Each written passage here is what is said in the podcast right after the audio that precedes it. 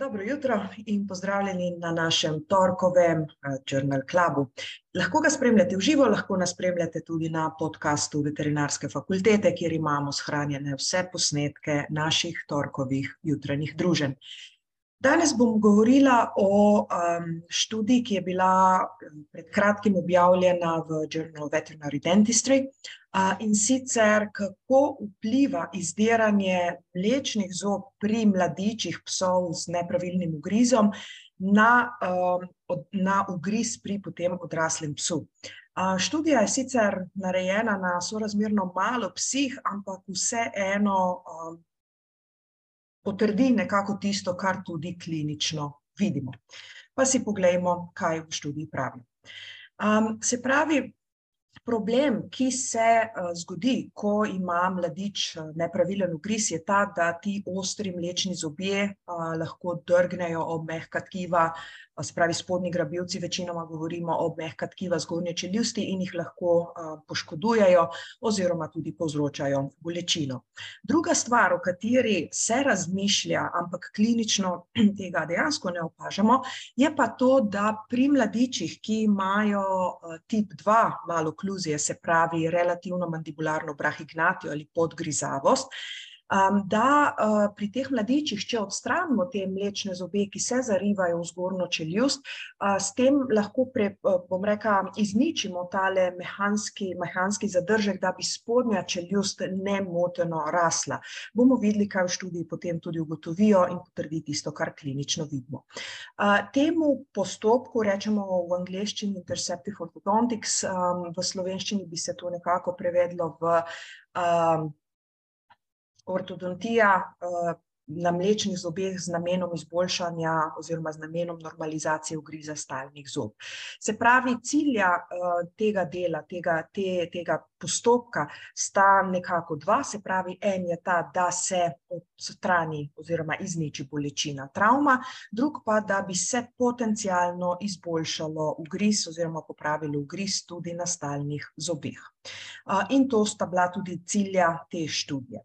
V študijo so vključili um, mladiče psov, um, mlajše od 5,5 meseca, se pravi, take, ki so seveda še imeli mlečne zobe, ki so jih diagnosticirali z razredom 1 ali 2 napačnega ugriza in bilateralno lingo verzijo spodnjih grabljivcev. Se pravi, pomeni, da sta bila oba grabljivca pomaknjena proti jeziku oziroma proti nebu, postavljena precej navpično in s tem povzročala travmo mehkih tkiv trdega neba oziroma dlesni zgornji čeljusti. Prav tako so za vključitev v študijo so morali imeti dovolj sledenja pri teh živalih, da so lahko ocenili, kaj se je zgodilo potem s stalnim zobovjem. Če tega ni bilo, se pravi, teh psov niso vključili v študijo. Zdaj, kako so diagnosticirali, oziroma kaj so ti razredi nepravilnih ugrizov, malo kluzi? Ne? Po, po klasifikaciji ameriškega kolegija za veterinarsko stomatologijo je razred ena malo kluzi, tiste, tisti nepravilni ugrizi, kjer je sicer so raz, razmerje med zgornjo in spodnjo čeljustjo normalno, se pravi, se kavci se stikajo na pravem mestu, so pa nepravilno postavljeni samo grabivci in sicer na mesto, da bi bili lepo pomaknjeni oziroma izraščali nekoliko bukalno, so pomaknjeni lingvalno, se pravi, gre za lingo verzijo in zopet to povzroča, smo že rekli, poškodbo um, mehkih tkiv trdega neba oziroma dlesni zgornji čeljusti. Medtem, ko razred 2 malokluzi dejansko pomeni skeletno malokluzijo, pri čemer gre za nesorazmerje spodnje in zgornje čeljusti, pri čemer je spodnja čeljust relativno prekratka glede na zgornjo čeljust, temu rečemo lahko tudi relativna mandibularna brahignatija ali po slovensko podgrizavost. Nadalje so potem v tej študiji tudi klasificirali podrazrede teh malokluzij glede na bom rekla, stopnjo izraženosti te malokluzije, kar je potem natančno definirano v, v študiji, ni pa, bom rekla, nekega bistvenega vpliva potem na sami izid, ko bomo videli, tako da tega ne bom čisto v podrobnosti omenjala. Um, vsi ti mladiči so um, bili obravnavani enako in sicer so jim izdrli mlečne zobe, mlečne, mlečna oba, mlečna spodnja grabilca, ki sta povzročala težave, se pravi travmo mehkih tkiv zgornje čeljusti. Um, ekstrakcije teh zob so bile kirurške, kar je tudi klasičen pristop. Um, je pa res, da so uporabili mogoče malo zanimivo tehniko, jo bomo videli potem tudi uh, na sliki, in sicer uh, enostavno samo eno rezno linijo, uh, ki je dala nekako bilateralni uh, mukoperiostalni režim. Um, če si pogledamo na tej sliki, ne, vidimo, da dejansko so se odločili za incizijo nad samim mlečnim zobom oziroma alveolom mlečnega zoba, pri čemer so potem uh, rostralno in kaudalno odprli kot eno knjigo, recimo tale mukoperiostalni režen. Zakaj, bom rekla, zakaj je zanimivo ta tehnika? Dejansko um, lahko vidimo, da ima svoje prednosti, naj gre v primerjavi s pedikularnim ali pa trikotnim režnjem, ker dejansko gre samo za eno rezno linijo, je pa z kirurškega stališča nekoliko nenavadna oziroma, če, če gledamo striktno pravila uh, kirurškega izdiranja zob, ne ravno prava, gre namreč za to, da imamo rezno linijo pod tem nad praznim prostorom, ko odstranimo zob. Ne, se pravi, ko odpremo mukoperiostalni režen, odstranimo nekaj te bukalne um, alveolne kosti nad koreninom mlečnega grabilca.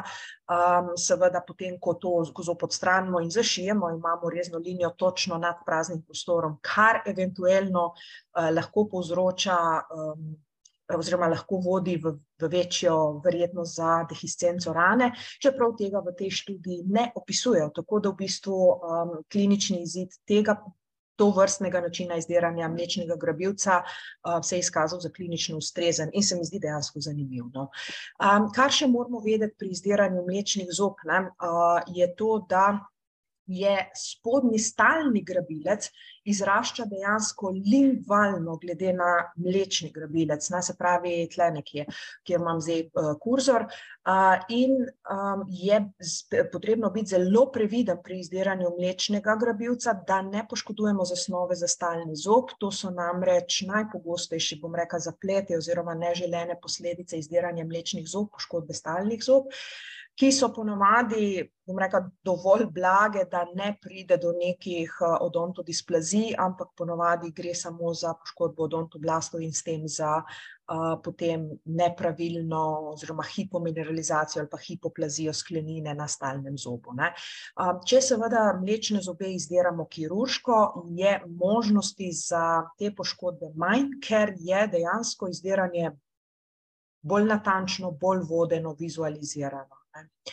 Ok, se pravi, v tej študiji so vsem uh, tem mladičkom psov odstranili oba spodnja grabilca na opisani način in potem so pri teh živalih, potem strankam še svetovali uh, terapijo žogo, kar je tudi nekaj, kar dejansko svetujemo pogosto v praksi, um, ker s to terapijo dejansko nimamo, kar, nimamo kaj izgubiti. Ne? Gre za to, da mora žival opisana, opisana metoda, gre za to, da mora kuža žvečiti veliko, trdo, gladko, okroglo, gumasto žogo, in sicer mora biti eh, pravšne trdote, da se ne vda, se pravi, da vsakeč, ko kuža ugrizne, dejansko porine spodnja grabilca na vzven.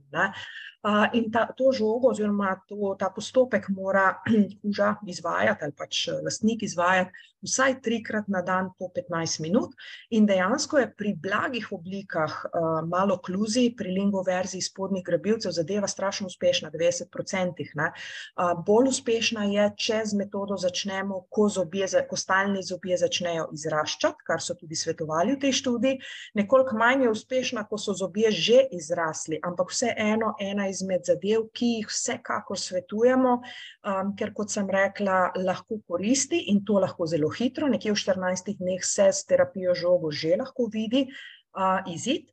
Uh, po drugi strani pa res nimamo kaj veliko zgubiti ali karkoli sami živali škodi. Na? Ok, se pravi, to vse so predlagali v te, tem kuškom oziroma lastnikom teh kuškov in potem so te živali spremljali, ko jim je izraslo stalno zobovje. Pri čemer so kot uspeh smatrali tiste živali, kjer je okluzija stalnega zobovja normalna.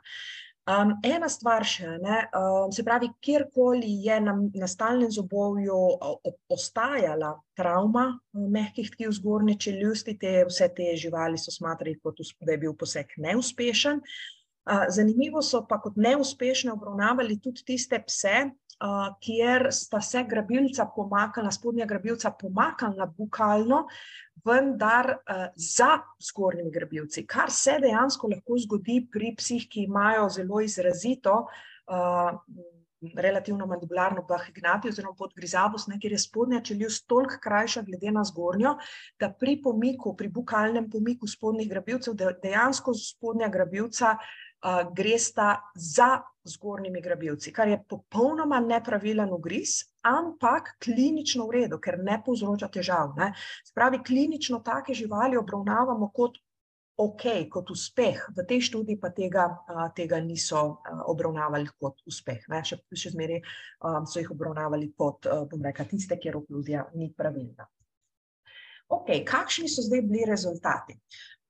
Dejansko so v študijo potem, glede na vse te vključitvene oziroma izključitvene dejavnike, vključili 17 mladih psov, ki so jih potem tudi uspešno sledili. Od tega so bili večinoma pasemski psi, se pravi, od teh 17 je bilo dejansko 15 pasemskih in dejansko so malo kluzije precej redke pri mešancih. Ne. Um, od tega je imelo šest psov uh, malo okluzijo razreda ena, se pravi uh, samo dentalno anomalijo načeloma, se pravi samo lingoverzijo spodnjih grabilcev, um, medtem ko jih je dva, e, enajst oziroma dve tretjini imelo mandibularno, relativno mandibularno brahignati oziroma podgrizavost. Um, Kar se tiče samega izida, dejansko vsi tisti uh, psi, ki so imeli malo okluzijo razreda ena, se pravi, sicer normalno razmerje med zgornjo in spodnjo čeljustjo, samo napačnim izraščanjem spodnjih grabilcev, pri vseh tistih je bil izid uh, v redu. Se pravi, so imeli normalno odraslo zobovje oziroma normalen ugriz kot odrasli psi. Uh, Medtem ko pri tistih, ki so bili zdravljeni zaradi podgrizavosti, pa dejansko je bilo uspešnih niti ne tretjina primerov, ne? Um, kar dejansko tudi vidimo ponavadi klinično. Kar se tiče, ja, kar se tiče, tu sem že omenila, ne, da dejansko ni bilo nekih vidnih poškodb na stalnem zobovju po, po ekstrakcijah. Se pravi, rekla, sem že omenila, zelo enostavna, zelo rekla, omejena študija z dvema zelo zanimivima izidoma. Um, in sicer um, zakaj? Ne? Se pravi, vemo, da je ta lingo verzija spodnjih grabilcev in pa tudi um, skeletne malokluzije, predvsem razreda 2, so precej pogoste in vidimo jih, sploh v času COVID-a, ko, ko, ko so bile dejansko nekako želje trg, trga po mladičih večje in tudi, nažalost, produkcija mladičev večja, smo dejansko tega bistveno več videli. Zdaj, najverjetneje že zaradi tega, ker je bilo živali več in seveda procentualno je tega v populaciji nekako enako, po drugi strani tudi najverjetneje zaradi uh, neustrezne, uh, neustreznega parjanja. Ne. Namreč živali z malo kluzijo odsvetujemo pariti, ja, ne glede na to, kaj naredimo v gobcu. Se pravi, ta zadeva je precej pogosta in dejansko uh, pogosto povzroča živali tudi ekstremno nelagodje zaradi tega uh, konstantnega draženja um, mehkih tkiv zgornje čeljusti. Um, zdaj vedeti moramo, ne, da um, v veterini oziroma veterinarski stomatologiji ni, ni čisto jasno, uh, ka, ka, ali so te napake v ugrizu dedne. Ne. Uh, ve se, da so dedne skeletne malokluzije. Se pravi, ko govorimo o podgrizavosti, je ta napaka dedna. Medtem ko malokluzija razreda ena, ki je po definiciji dentalna malokluzija, zato ne vemo čisto dobro, ali je dejansko dedna ali ni, ampak ve se, da je pozicija zasnov za zobe dejansko dedno pogojena, kar pomeni, da najverjetneje so te malokluzije tudi razreda ena dedne. Um, druga stvar, kar se tiče pa rasti čeljusti, vemo, da je rast zgornje in spodnje čeljusti uh, na nek način ločena, ne, tudi poteka čisto drugače. Rast zgornje čeljusti je dejansko pasivna, rast spodnje čeljusti je aktivna, če pogledamo v samem embriološki razvoj oziroma rast čeljusti. Um, Pričemer, seveda, zaradi tega obe čeljusti rasteta precej nesinhrono, ne? se pravi, zgornja in spodnja čeljust ni nujno, da rasteta uh, sinhrono.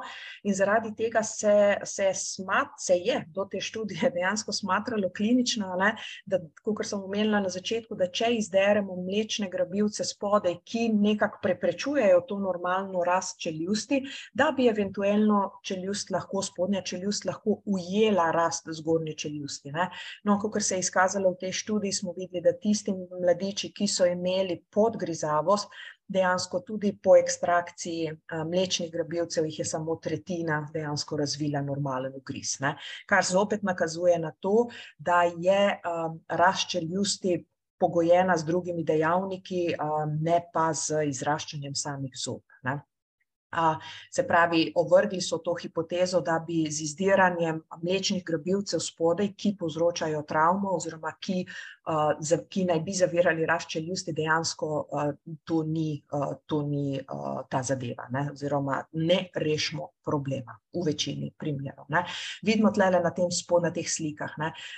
Na te A in B, ne? vidimo, to je dejansko malokluzija razreda ena, se pravi, imamo normalno razmerje spodnje in zgornje čeljusti pri tem mladičku z lingvo verzijo spodnjih grebivcev, ki rineta v dlesem in potem pri odraslem psu vidimo, da imamo normalen ugriz stalnih zob. Ne. Na spodnji sliki, tale C, imamo enega mladička z očitno uh, podgrizavostjo, Vidite, tale mlečni grabilec dejansko je ravno nasproti zgornjega mlečnega grabilca, se pravi kar očitna podgrizavost in pri tem psu dejansko ostaja problem tudi na odraslem zobovju enak. Ne. Se pravi, pri tem psu zdaj odraslem je treba to stanje zdraviti z metodami, ki pač za to obstajajo. Druga stvar pa seveda, kar so v tej študiji potem seveda potrdili, je pa to, da seveda, ko druga, drugi razlog, ne, zakaj se te mlečne zobe izdira, je pa ta, da seveda živalim omogočimo lagodno bom rekla, uporabo ustne votline, um, ker pač tu konstantno grizenje s temi grabivci v, v, v, trdo nebo oziroma dlesen je neprijetno, je boleče, lahko so te jamice, ki jih mlečni zobje naredijo v zgornji čeljusti, kar očitne in tudi vnete, z umazanijo v njih. Um, in seveda, če uh, te mlečne zobe odstranimo uh, pri teh travmatskih malokluzijah, uh, seveda te živali za čas odraščanja odrešimo tega nelagodja, kar je bil tudi en od ciljev te študije in kar je tudi klinično vedno indicirano.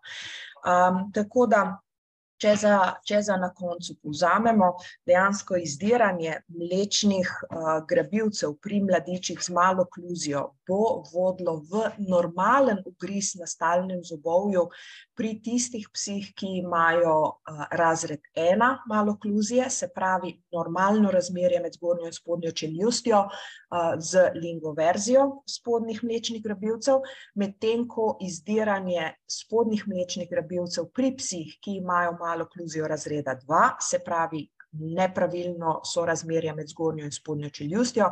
Pri tistih živalih ta postopek v dveh tretjinah primerov ne bo uspešen. Je pa res, da bomo vsem tem mladičem omogočili neboleče, neboleče odraščanje in pa normalno uporabo gobčka za čas do izraščanja stalnega zobovja. Tako da to je z moje strani za danes. Če imate kakršno koli vprašanje, mi lahko napišete, lahko se oglasite, vprašate, drugače me podobite tudi na uh, naslovu ana.nemec, uh, afna vf.uni-lj.si. Najlepša hvala in lep dan.